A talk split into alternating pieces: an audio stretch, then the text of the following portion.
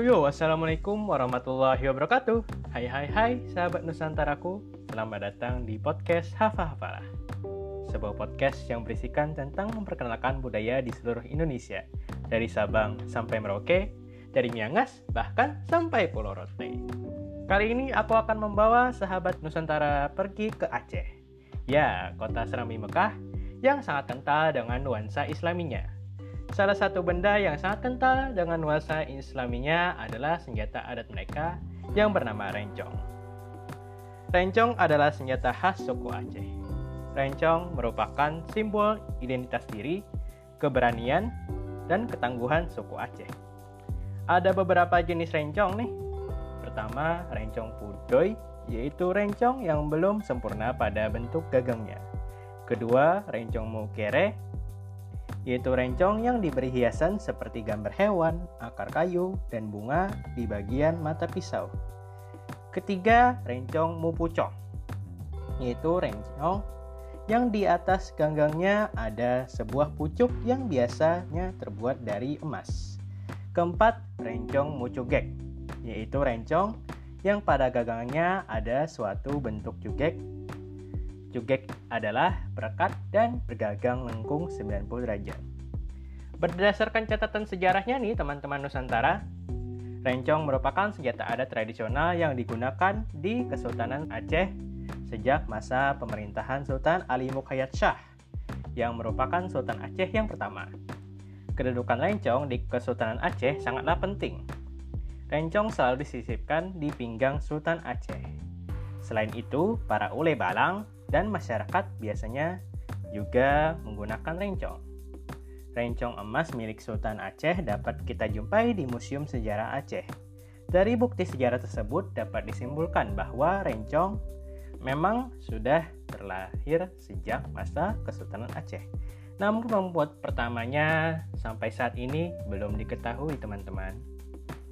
Sesuai dengan bahan pembuatannya, rencong memiliki tingkatan, untuk raja atau sultan, biasanya sarungnya terbuat dari gading dan mata pisaunya dari emas serta memiliki ukiran berupa kutipan ayat Al-Quran. Sementara rencong-rencong lainnya yang biasa dipakai masyarakat biasanya terbuat dari tanduk kerbau ataupun kayu sebagai sarungnya dan kuningan atau besi putih sebagai belatinya.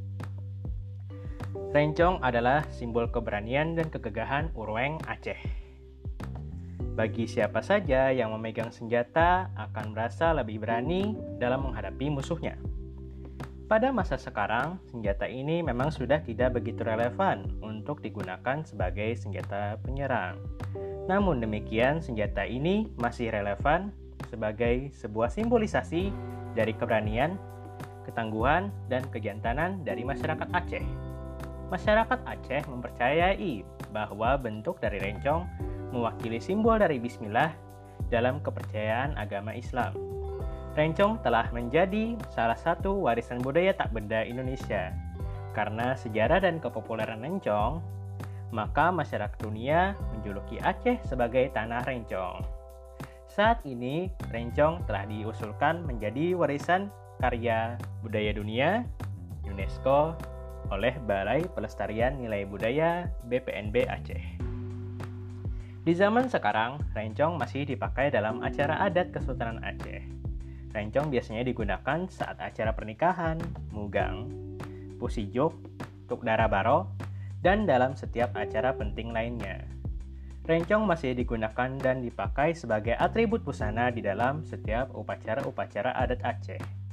Pemakaian rencong mengarah kepada simbolisasi dari keberanian dari seorang pria dalam memimpin keluarga setelah menikah. Saat ini di Aceh, tempat penempaan rencong terdapat di desa Sibreh. Dalam penjualan senjata ini, ukuran menjadi salah satu faktor yang menentukan harga rencong. Rencong dengan panjang 10-12 cm biasanya dihargai 20.000 sampai 75.000 Sedangkan rencong yang panjang lebih dari 12 cm dihargai 75.000 sampai 80.000. Tetapi untuk rencong koleksi khusus ada yang harganya mencapai ratusan ribu bahkan jutaan rupiah. Ya, sekian podcastku kali ini. Semoga podcast ini memperkenalkan teman-teman pada budaya khas dari Nanggro Aceh Darussalam yang bernama rencong. Semoga dengan apa yang aku sampaikan tadi bisa menambah wawasan kita tentang senjata adat di Indonesia. Sekian dariku, so stay tuned if you want to know about culture in Indonesia in podcast Hafafalah.